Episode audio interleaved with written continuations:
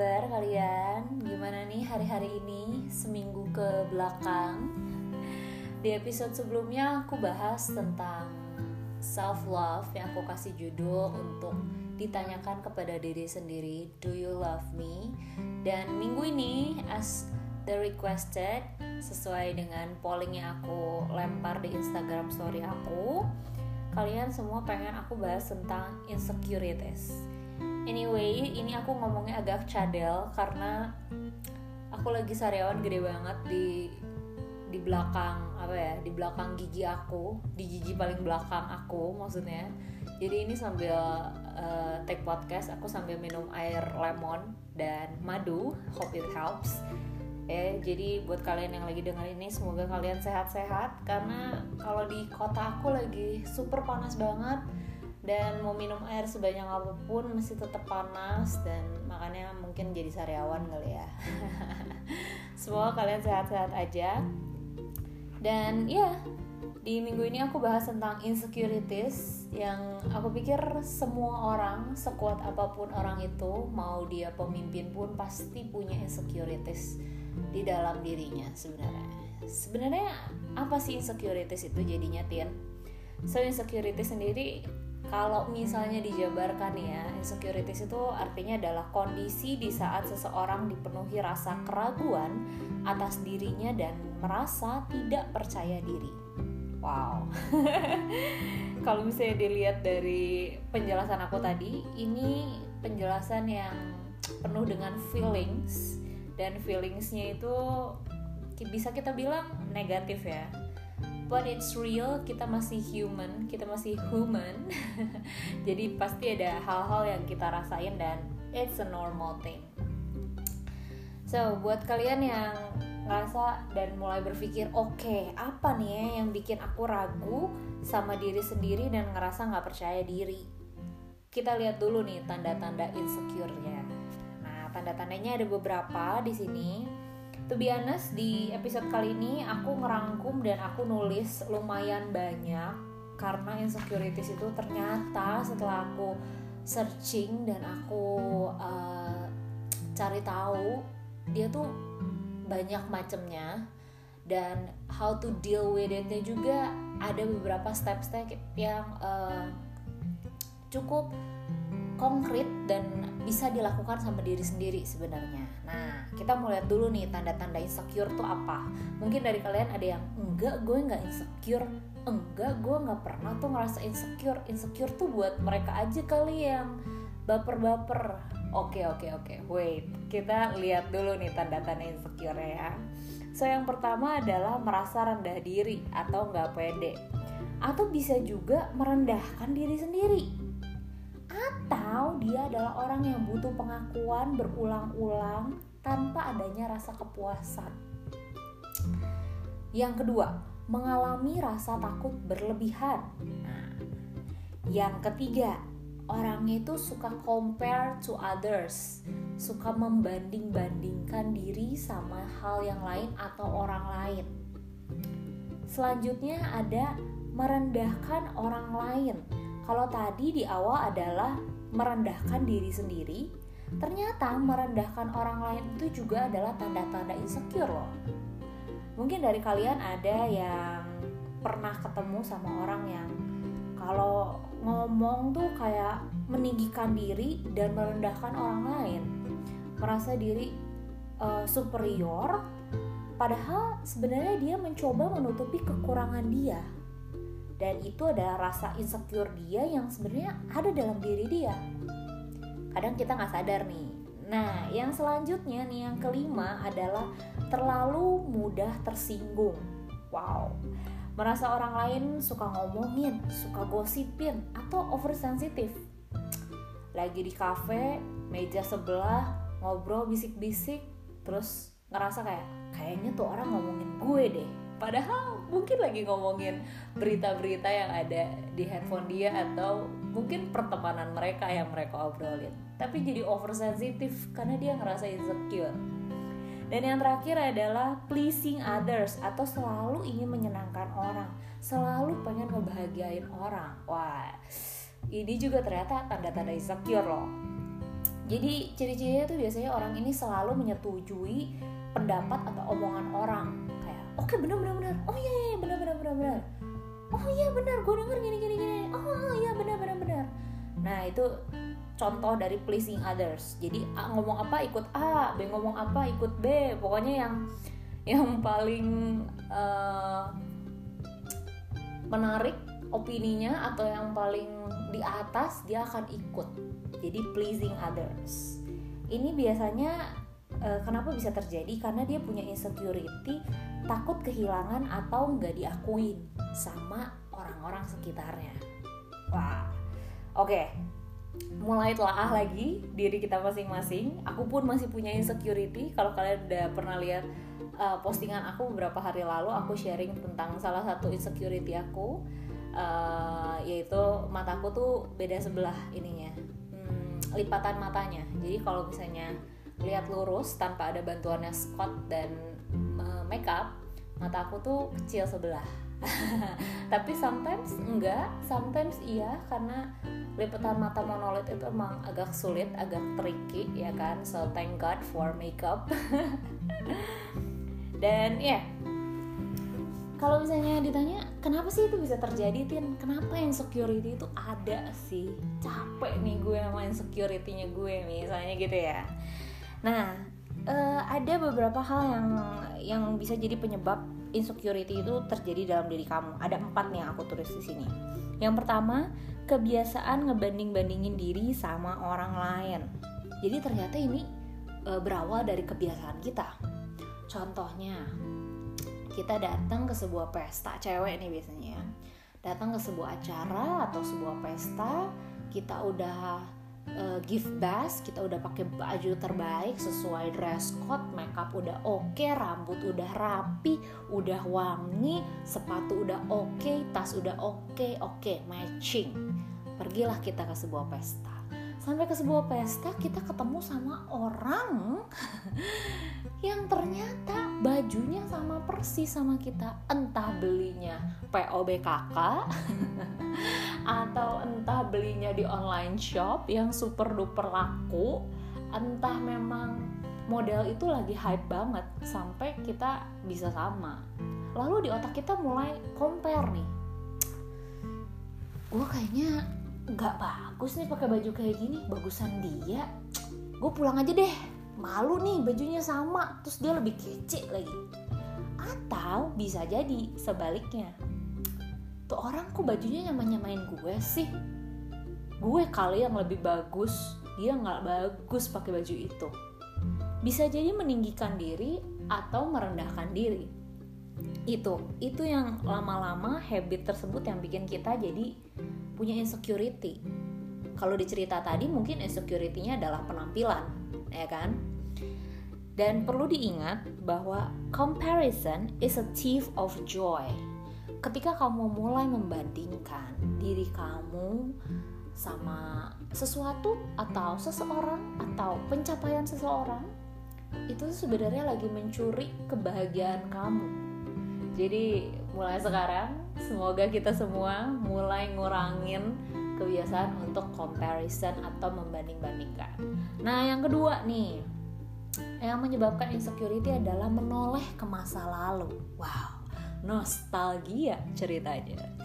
Kadang seru ya kita pas lagi lihat Facebook, lihat fotos, terus kita lihat tag-tagan temen yang dari zaman kapan atau pas uploadan kita selfie-selfie alay gitu ya kayaknya seru pas kita lihat.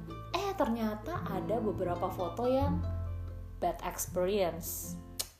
Di situ kita mulai kayak aduh iya ya tahu gitu. Waktu itu gue nggak ngambil keputusan ini. Tahu gitu waktu itu gue nggak pacaran sama orang itu. Atau tahu gitu gue udah bisa pergi ke luar negeri saat itu. Gue udah bisa kuliah di sana kalau aja bla bla bla bla. Kita mulai menoleh ke masa lalu kita fokus sama bad experience terus kita mulai define diri sendiri dengan gue nggak sekeren gue nggak sukses gue nggak seberuntung pas zaman itu kayaknya. Nah perlu diingat bahwa semua experience atau pengalaman hidup kita adalah sebenarnya alat. Alat buat apa sih? Alat buat belajar kalau ada istilahnya adalah learn from the history. And that's true. Ketika kita mengalami banyak uh, kesempatan dan pengalaman-pengalaman yang berbeda sebenarnya kita tuh bisa menarik kasarnya hikmahnya atau pesan moralnya. Sekalipun itu bad, bad experience. Nah jadi don't let your past define your future. Ketika ada bad experience itu itu justru yang bikin kamu hari ini ada punya kepribadian seperti ini punya hikmat yang seperti ini dan kamu bisa jadi orang yang lebih kuat dari hari ke harinya. So bad experience sekali lagi adalah tool atau alat untuk kita belajar dari kesalahan. So jangan menoleh ke masa lalu boleh kita nostalgia. Tapi jangan fokus sama bad experience dan membandingkan diri kita waktu itu waktu lama dan saat ini kita belajar dari bad experience itu untuk hari ke depannya. Nah, yang ketiga, penyebab dari insecurities adalah overthinking. I know nih. Buat kalian yang ngedengerin aku karena kalian dengar di episode pertama aku introvert dan kalian juga introvert ternyata atau ambivert atau mungkin kalian extrovert, whatever it is. Tapi kebanyakan dari introverts adalah punya sifat overthinking. Apalagi kalau udah malam-malam ya kan? Handphone udah di airplane mode udah nggak ada cahaya udah nggak ada kebisingan mulailah otak kita yang bising. Mulailah kita overthinking. Apa aja dipikirin apa aja tersirat di kepala. Sampai akhirnya kita memikirkan segala sesuatu tuh berlebihan. Sesuai namanya overthinking berlebihan. Kita berpikir berlebihan sampai akhirnya mungkin sesuatu yang belum tentu terjadi atau nggak mungkin terjadi udah ada di pikiran kita udah nyangkut nih di kepala kita. Segala sesuatu yang over itu ada baiknya kita pikirkan adalah tidak baik. Kelebihan makan tidak baik ya kan? Kelebihan minum pun nggak baik bisa kembung. Kelebihan olahraga juga bisa sakit-sakit badan ya kan? Atau kita kelebihan apa lagi nih kelebihan ngelakuin hobi nanti tanggung jawab kita terbengkalai. Segala sesuatu yang berlebihan itu sejatinya tidak baik sebenarnya ya kan? Jadi uh, intinya adalah jangan terlalu keras sama diri sendiri ya kan? Segala sesuatu itu start from your mind. Segala sesuatu itu mulainya dari pemikiran kita. Kalau kita sibukkan dengan kebisingan dan uh, aktivitas kita kita tuh otak kita tuh gak bisa berpikir secara jernih. Kadang gitu kan duh lagi mumet banget nih gue gak bisa berpikir secara jernih. Nah itu yang bikin kita kadang overthinking atau melakukan hal-hal yang sebenarnya gue nggak harus kayak gitu deh. So ya yeah. jadi mulailah untuk uh, memikirkan dan memasukkan hal-hal yang baik hal-hal yang indah hal-hal yang manis, hal-hal yang bikin happy ke kepalanya kita. Supaya kita nggak apa? Nggak overthinking. Nggak overthinking jadi kita nggak insecure gitu ya. Atau menciptakan insecurity yang baru ya. Jangan sampai jangan sampai. Dan yang terakhir nih yang bikin kita bisa insecure adalah perkataan negatif dari orang lain. Wah. Pas denger ini kalian mulai kayak nah kan? Mulai blaming iya nih gue dulu sering banget nih dibully. Wow.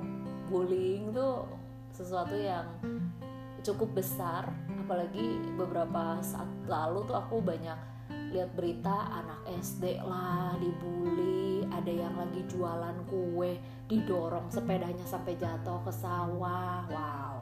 Bullying itu hal yang uh, traumatik dan sangat besar sekarang.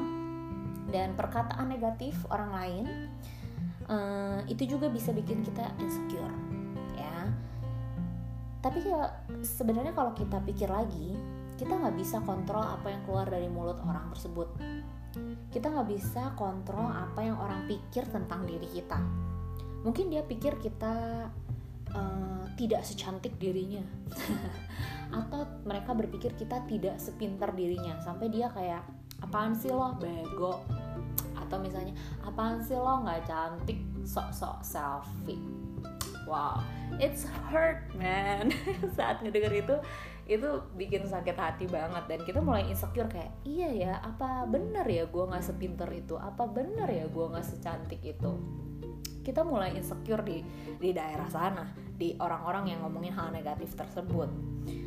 Nah ini caranya gimana nih supaya kita nggak sampai ada insecurities yang yang terjadi karena perkataan orang negatif orang lain. Yaitu adalah cari lingkungan yang positif dan bisa kasih input yang baik. Jangan sampai kita diem di toxic relationship atau toxic friendship yang lama kelamaan sadar nggak sadar ngebentuk pemikiran kita dan ngebentuk jati diri kita jadi sesuatu yang negatif atau kita jadi insecure. Kita punya teman baik nih tapi ternyata teman baik itu tuh kalau ngomong nyakitin menurut kita nyakitin. Kita nggak bisa kontrol dia dengan lo kalau ngomong apa sih? Jangan kayak gitu dong. Mungkin sekali dua kali dia bisa. Tapi untuk beberapa hal kalau sudah jadi kebiasaan sudah jadi karakter kita nggak bisa kontrol mereka untuk nggak menyakiti kita dengan perkataan negatif tersebut. Jadi mulailah cari teman-teman yang lebih positif atau input-input yang lebih positif yang kasarnya bisa mengalahkan perkataan negatif mereka. Nah setelah kita tahu tanda-tanda insecurity dan kenapa itu terjadi ada tiga tipe insecurity yang aku catat di sini dan aku rangkum. Sebenarnya uh, ini aku rangkum dari uh, jurnal seorang psikolog psikolog di luar. Ada banyak, tapi setelah aku rangkum lagi kayaknya tiga ini udah udah cukup relate. Yang pertama itu adalah tipe berdasarkan kegagalan atau penolakan. Jadi kalau tadi kan kenapa terjadi nih ada empat itu kan, tapi ada diklasifikasi lagi tipenya ada tiga. Yang satu berdasarkan kegagalan atau penolakan. Yang kedua itu nggak percaya diri karena pengaruh sosial.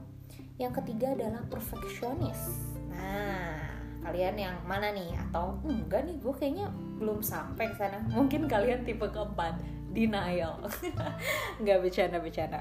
So kita bahas ya. Yang pertama adalah berdasarkan kegagalan atau penolakan ini bisa jadi uh, ya aku bilang tadi ini menoleh ke masa lalu. Jadi dulu pernah gagal dalam relasi dalam pekerjaan dalam uh, cita-cita. Misalnya dulu pengen masuk ITB dulu aku pengen masuk ITB anyway tapi tidak masuk. Jadinya masuk ke universitas lain. Nah tapi aku uh, untungnya tidak merasa itu sebagai suatu kegagalan. Aku pikir karena ya mungkin itu bukan tempatku di sana tapi mungkin ada beberapa dari kalian ngerasa itu sebuah kegagalan besar karena ada nah ini nyambung ke tipe insecurity kedua yaitu orang lain merasa bahwa kamu harus masuk ke sekolah terbaik, universitas terbaik, kamu harus punya pekerjaan dengan gaji di atas UMR. Mulai mendefine diri kita. Kalau yang tipe pertama tadi berdasarkan kegagalan dan penolakan atau masa lalu, kita bisa jadi low self esteem atau kita jadi punya harga diri yang rendah gitu. Kita bisa nurunin standar kita. Bisa jadi begitu atau karena kita punya kegagalan atau penolakan di masa lalu, kita jadi punya insecurity kita jadi nggak percaya diri karena pengaruh sosial. Ini tipe insecurity yang kedua atau bisa jadi juga kita nggak percaya diri karena standar sosial. Contohnya yang tadi aku bilang family punya punya uh, timeline kehidupan kita.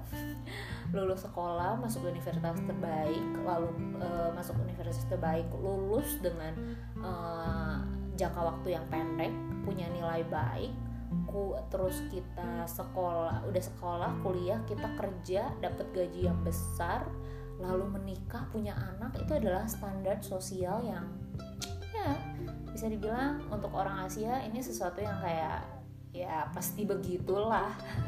Udah sekolah ya kuliah udah kuliah ngapain? Ya udahlah kalau ketemu jodoh nikah kayak gitu kan. Nah mungkin untuk beberapa orang yang punya prinsip hidup berbeda mereka akan jadi nggak percaya diri. Loh kok gue gak bisa ya ngikutin standar keluarga gue kakak gue kuliahnya di sini kok gue nggak bisa ya? Jadi nggak percaya diri insecure sama diri sendiri. Merasa tidak pintar merasa tidak layak merasa selalu ada di bawah. Nah ini uh, adalah hal yang memang sulit. Sulit banget karena kita merasa diri gak menarik gak berharga not good enough. Tapi perlu diingat bahwa self worth atau keberhargaan diri kita itu gak dari sudut pandang atau kata orang lain.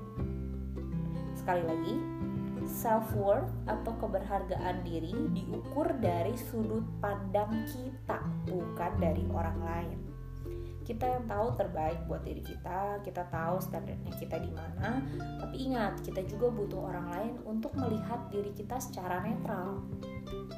Mereka bisa ngelihat bahwa ada beberapa hal yang kita nggak bisa lihat misalnya kita punya hobi um, ah kita lihat itu hobi aja. Tapi ternyata mungkin orang lain yang punya positif mindset dan punya uh, perkataan yang positif mereka akan bilang kenapa nggak kamu jadiin itu usaha? Kita nggak bisa lihat itu jadi usaha tapi orang lain mungkin bisa lihat. So uh, menurut aku jangan sampai perkataan orang lain itu ngedefine kita dan membuat kita punya standar yang sama sama orang lain gitu ya. Dan yang ketiga jenis insecurity yang ketiga adalah perfectionist ya. Nah buat kalian yang overthinking ya biasanya biasanya mereka adalah orang yang perfectionist. Apalagi untuk yang Virgo biasanya perfectionist juga. Punya high standard sama diri sendiri dan juga orang lain. Pengen punya uh, nilai bagus, sekolah bagus, pasangan ideal, pekerjaan stabil atau terus meningkat, badan bagus, ya kan? Terus uh, fit Instagram perfect, traveling ke sana sini, perfectionist. Tapi perlu diketahui bahwa uh, hal-hal yang kita inginkan di dunia ini kadang dan menurut aku sebenarnya banyak hal yang out of our control. Kita nggak bisa kontrol. Contoh misalnya kita punya high standard uh, oh gini deh. Kemarin teman eh beberapa dari kalian nge DM aku waktu aku buka open question apa insecurity kalian. Most of you adalah bilang tentang badan ya apakah itu yang stretch mark apakah itu yang after birth dia badannya udah nggak ideal ada yang betisnya gede, ada yang pipinya tembem, ada yang hidungnya kurang mancung atau bokongnya kurang menonjol atau tinggi badan atau ada juga yang bilang giginya kurang bagus dan ada juga yang bilang tentang karir. Nah, yang perlu diketahui adalah kalau insecurity kamu adalah sesuatu yang berhubungan dengan kamu bisa ubah. Contoh, gigi aku nggak rata kak. Gigi aku kurang bagus kak. Kamu bisa bantu itu dengan ke dokter gigi lah. Kamu bisa perbaharui itu bisa perbaiki hal tersebut. Tapi kalau misalnya insecurity kamu ada sesuatu yang tidak bisa diubah contohnya gen kamu dari dulu adalah badannya berisi tapi goals kamu adalah punya badan kurus banget. Yang ototnya otot kering. Menurut aku itu adalah sesuatu yang kasarnya cari masalah sama diri sendiri. Kamu tahu itu tidak bisa diubah atau sulit diubah tapi kamu punya standar yang kebalikannya. Jadi perlu diingat bahwa uh, perasaan berharga atau nggak berharga itu sebenarnya banyak hal eh, perasaan yang nggak berharga itu sebenarnya kita yang set sendiri kita yang memutuskan bahwa oke okay, gue merasa berharga ketika uh, eh, gue merasa cukup. Nah cukupnya tuh cukup segimana? Cukup kurus cukup jalan-jalan cukup belanja nggak ada limitnya. Nah itu juga bukan sesuatu yang bisa dibilang cukup. Kita punya standar yang ya bisa dibilang karena perfeksionis cukup tinggi. Nah kita perlu tahu bahwa iya yang aku tadi bilang tadi bahwa banyak hal yang di luar kontrol kita. Kerjaan bisa ups and down bos bisa aja jadi rese nilai bisa aja turun pas lagi nggak fokus belajar pasangan bisa aja pas lagi happy lovey dovey tapi pas lagi ribut tuh bisa perang dunia. We never know. Atau yang seperti aku bahas tadi genetik yang kita nggak bisa nggak bisa ubah gitu ya. Nah ini adalah poin terakhir poin terakhir tapi masih ada uh, dua halaman bear with me ya ini adalah yang paling penting adalah how to deal with insecurity sesuai dengan jenis-jenisnya tadi aku akan bahas ya. Yang pertama sebenarnya adalah tahu dulu kamu insecurity-nya apa. Jangan sampai udah uh, karena lagi banyak nih diomongin orang-orang insecurity nih insecure nih insecure insecure insecure insecure. Terus kayak iya nih gue juga insecure. Tapi nggak tahu insecure tuh apa. Kita nggak telaah diri kita sendiri kita nggak cari tahu. Kita cuman kasarnya latah ikutan orang karena orang bilang iya body goals iya couple goals yang kayak gitu kita jadi latah. Padahal sebenarnya mungkin menurut kita pribadi setelah dipikir-pikir enggak juga sih. Menurut gue itu sesuatu yang gak masalah sih misalnya gitu ya. Nah yang pertama adalah tahu dulu insecurity kamu apa. Bisa jadi banyak hal yang aku bilang bisa jadi fisik bisa jadi kegagalan masa lalu pencapaian bisa jadi standar kamu yang tidak tercapai bisa jadi uh, background keluarga bisa jadi uh, kepribadian kamu nah itu bisa banyak. Kalian bisa cari tahu sendiri. Lalu setelah mengetahui tersebut kalian bisa langsung maju ke langkah selanjutnya. Nah ini ya. Yang pertama kalau tipe insecurity kamu adalah berdasarkan kegagalan atau penolakan yaitu yang tipe pertama tadi kuncinya adalah work on yourself. Apakah itu tin? Nah work on yourself ini adalah ketika kita kasih waktu untuk healing diri sendiri. Self healing dan adaptasi ke keadaan yang baru atau keadaan saat ini. Contoh paling gampang, ketika kamu eh, gagal, waktu aku deh ya, misalnya contoh, aku mau masuk ITB, ternyata aku nggak masuk nih, aku sedih berlarut-larut, aku insecure bahwa eh, tingkat kecerdasan aku nggak di ITB gitu ya. ITB itu kalau kalian nggak tahu adalah universitas terbaik di Indonesia salah satunya salah satu universitas terbaik. Aku pengen masuk uh, desain di sana seni tapi nggak masuk karena emang chance-nya kecil banget. Dan ya aku dari swasta anyway jadi chance-nya lebih kecil lagi. Jadi aku nggak masuk ke sana uh, nah ketika aku berlarut-larut di situ aku jadi insecure sama diri sendiri. Ketika ada orang di ITB aku ngerasa kayak wah dia pinter banget gue nggak pinter gue mau bodoh misalnya gitu ya. Mulai keluar di Sundanya. Aku mau bodoh misalnya kayak gitu ya.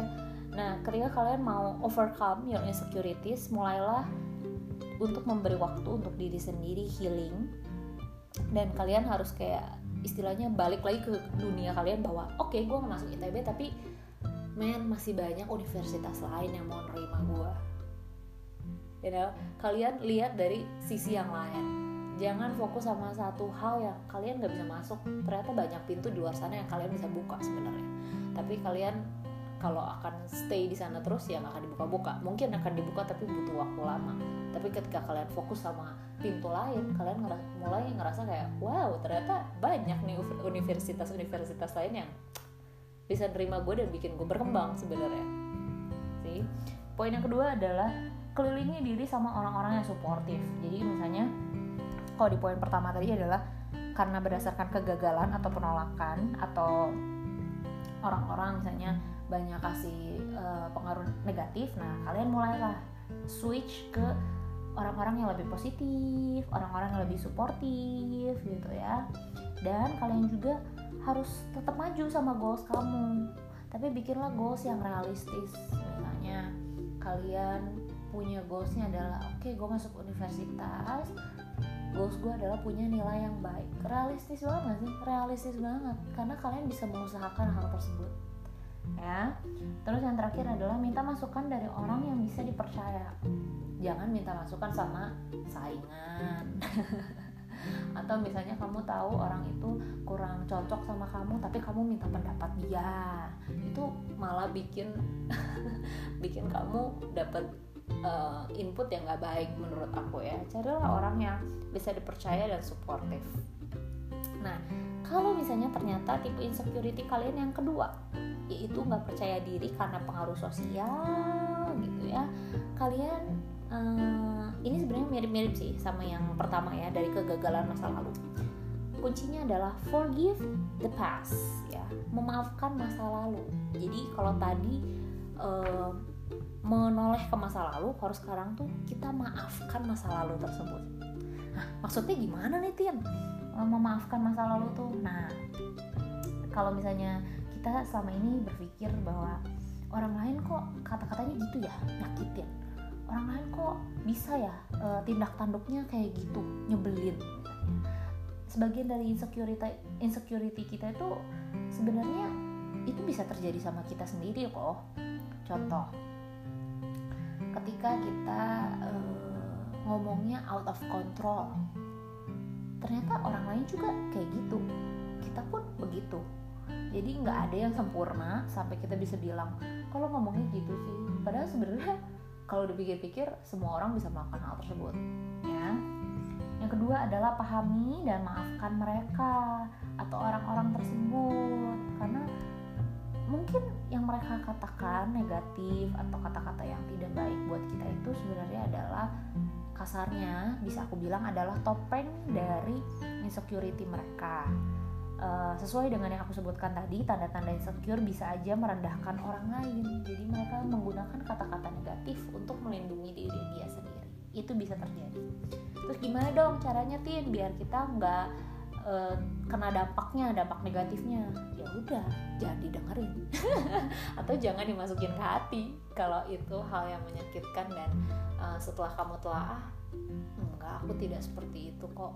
Mungkin hanya satu orang itu doang yang ngomong kayak gitu yang lain nggak ada kok. Kamu mulai lihat dari suara terbanyak atau dari orang yang bisa kamu percaya kamu tanya pendapatnya apakah benar perkataan negatif itu? Gitu ya. Jadi cross check selalu jangan sampai kata-kata negatif atau menyakitkan itu bikin kamu ringkih dan rapuh tapi kamu lihat bahwa oh enggak itu cuma sebagian orang aja yang ngomong kayak gitu. Ya. Dan selanjutnya adalah kalau misalnya kita punya kebencian atau kita punya kekesalan di masa lalu sama orang atau sama diri kita sendiri karena salah ngambil keputusan ingat bahwa kebencian itu nggak akan bantu kita keluar dari security loh. Nah kuncinya adalah maafin lepasin dan coba untuk melupakan.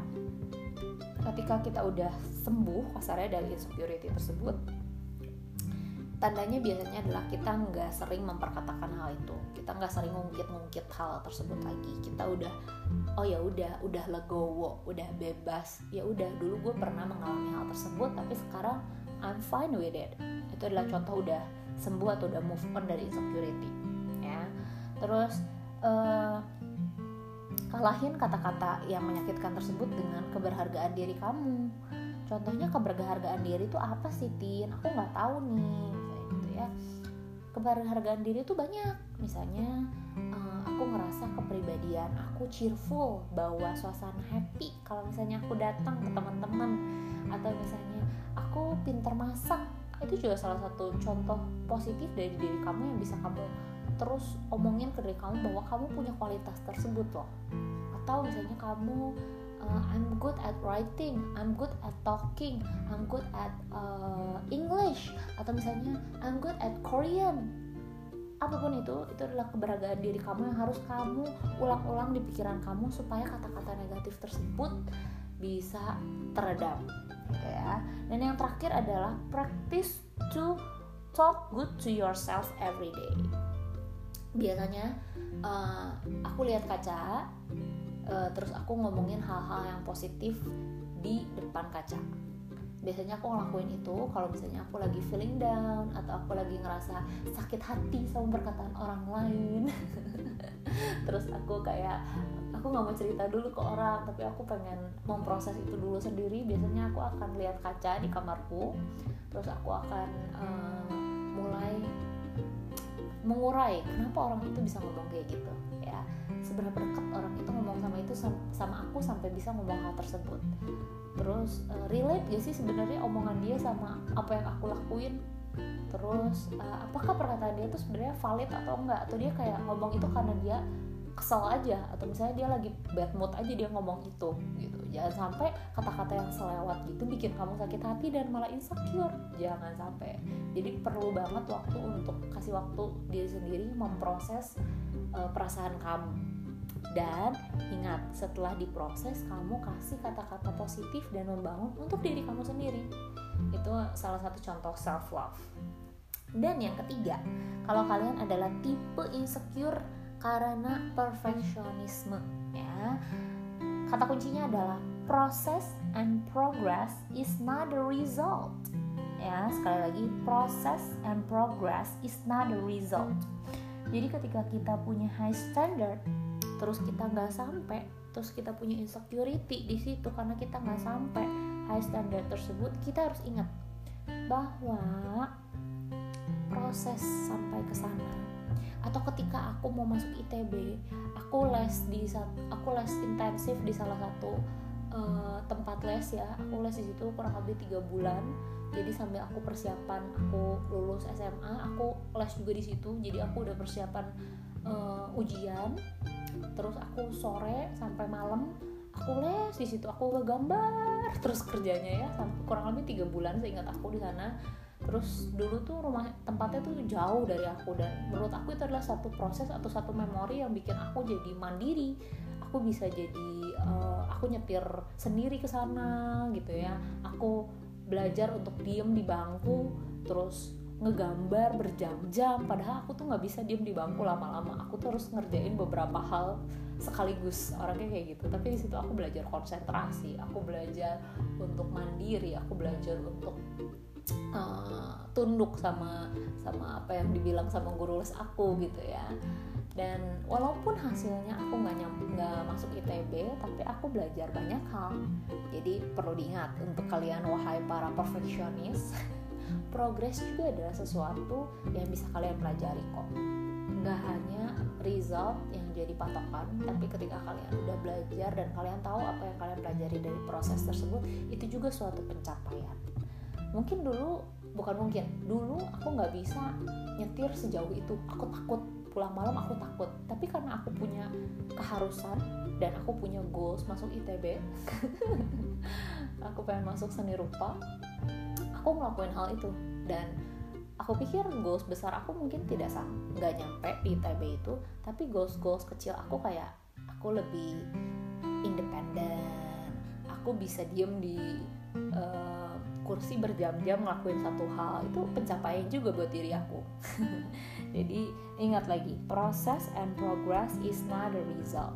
Ya jadi kalian harus menghargai proses yang kalian lakuin progres yang kalian lalui itu juga suatu pencapaian kok gitu. Nah ini caranya adalah kalau misalnya kalian punya insecurity karena perfeksionis, kalian evaluasi dari effort atau usaha yang kamu lakuin jangan dari resultnya kalian lihat.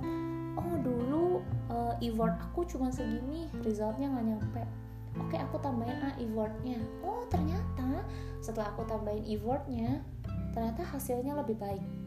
Tapi kalian bisa tahu bahwa kalian belajar dari memperbesar kapasitas tersebut. Effort kalian dari kecil bisa jadi besar. Itu juga pencapaian. Itu terus selanjutnya aku break minum dulu karena suaraku udah mulai berubah. Udah mulai serak. Yang kedua adalah coba lihat apa hal yang bisa kamu pelajari. Ini intinya sama sih sebenarnya. Kalau kalian perfeksionis coba kalian fokus sama proses dan progresnya. Uh, dan result itu urusan di akhir. Ketika kalian uh, berproses dan kalian berprogres kalian pasti punya dapat hasil yang terbaik buat kalian itu terus ada satu cara lagi adalah fokus on your inner qualities. Bisa karakter ketulusan nilai-nilai yang baik atau eh, hal-hal yang lain atau misalnya hobi atau kalian punya skill-skill yang bisa dibanggakan. Itu adalah salah satu inner qualities juga menurut aku. Jangan bandingin sama uh, setinggi apa jabatan atau nilai kamu atau berapa banyak penghasilan kamu? Atau berapa sering kamu beli baju? Atau berapa sering kamu ganti handphone? No itu bukan sebuah pencapaian. Kalian harus lebih menghargai proses dan progresnya dibandingkan resultnya Oke, jadi setelah sepanjang ini, udah berapa nih? Setelah 39 menit bottom line-nya apa nih Tin?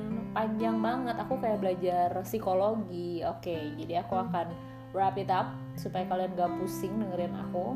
Bottom line-nya adalah Insecurity is a normal things. Don't worry teman-teman. Insecurity itu normal banget selama kalian masih human. So it's okay. Tapi kalian harus tahu cara uh, menghadapinya dan mengalahkan insecurity tersebut. Terus insecurity itu, bisa datang dari diri sendiri kayak tadi membanding-bandingkan atau dari orang lain. Orang lain yang ngebanding-bandingin orang lain yang kasih negative thoughts malah kita yang insecure. Itu bisa terjadi. Yang ketiga adalah knowing your your insecurity helps you to know yourself better and accepting more and love other people more. Jadi mengetahui insecurity kamu walaupun sulit mengakuinya walaupun males ya kayak ngorek-ngorek kelemahan diri sendiri gitu ya. Tapi itu adalah hal yang berbuah manis ketika kamu sudah melewatinya terus kamu sudah mengenal diri kamu kamu udah accepting diri kamu kamu lihat diri kamu depan kaca udah nggak yang gila gue jelek banget gue lusuh banget. Tapi kamu ngeliat diri kamu dengan oke okay, hari ini aku pakai baju bagus ah biar happy gitu ya. Atau misalnya kamu lihat aduh betis aku gede banget ya. Ya udah carilah baju-baju atau hal yang bikin kamu pede. Atau cari olahraga yang bisa bikin betis kamu lebih bagus lebih kebentuk gitu ya. Lihat dari sudut pandang yang lain. Ketika kamu udah accepting diri sendiri kamu bisa mencintai orang lebih dalam lagi atau lebih baik lagi. Kamu nggak judging sama orang tersebut lebih baik atau lebih buruk dari kamu? Ya misalnya kamu contoh tadi ya misalnya betis nih. Kamu lihat Instagram orang wow betisnya bagus banget nih. Kakinya bagus banget jenjang. Atau misalnya uh, kamu ngelihat orang yang betisnya lebih nggak bagus dari kamu. Itu sama-sama insecurity loh. Jadi jangan sampai uh, kamu bandingin diri kamu uh, dan kamu fokus sama satu hal kecil itu sama insecurity itu. Padahal dengan hal tersebut kamu bisa explore model baju baru kamu bisa explore cara mix and match baju itu gimana. Karena kebanyakan aduh sorry kebanyakan dari orang ketika comparing itu mereka comparing sama media sosial. Dan kalau kalian tahu dan aku sebenarnya yakin sih kalian sadar ketika posting ke media sosial itu orang pasti put uh, the best ever mereka pasti akan posting foto yang bagus yang mereka pengen orang lihat ya. Kalau foto-foto aib pasti mereka nggak mau upload. Mereka nggak mau posting. Kalau bisa tekannya di nonaktifin supaya foto-foto aib atau norak atau angle-nya nggak sesuai nggak ada di Facebook eh, di Facebook atau di Instagram gue gitu. Jadi Stop comparing yourself, know your insecurity, accept yourself, then you can love others more. Dan yang terakhir adalah how to deal with with insecurity. Ini adalah uh, kata kunci terakhir di podcast episode ketiga ini adalah change your perspective. Jadi insecurity mau itu karena orang lain atau mau itu karena diri sendiri mau itu dari masa lalu mau itu karena kita uh, ngerasa perfeksionis. Kalau kita mau ubah perspektif kita kalau kita mau lihat hal yang jauh lebih besar daripada insecurity itu kita bisa melewati insecurity insecurity kita dari beberapa dari kalian ada yang ngerasa insecure ketika udah ngelahirin buat perempuan badannya udah gak sebagus dulu. Tapi ketika kalian lihat bayi kalian how happy you are. That's the bigger thing. Kalian udah jadi ibu kalian udah bisa lebih mandiri udah bisa masak udah bisa membesarkan manusia lain. Itu adalah hal yang besar. So guys change your perspective is not easy tapi aku yakin kalian bisa melewatinya. Uh, dan jangan lupa insecurity itu normal gak apa-apa banget. Tapi jangan sampai kalian drowning kalian uh, tenggelam di dalamnya dan kalian bikin dan bikin kalian merasa nggak berharga. No you are not. You are deserve uh, way more better things and way more better life. If you know and change your perspective into positive minds a supportive support system. So yeah that's it guys. I hope you find this podcast useful and give you positive energy and vibes. And see you guys around. And on the next episode i think i'm gonna put the topic on my IG story. Jadi kalian bisa pilih di sana aku bahas apa. Semoga nggak ngebosanin juga dengerin aku ngomong. Oh ya yeah. Have a nice day and bye bye.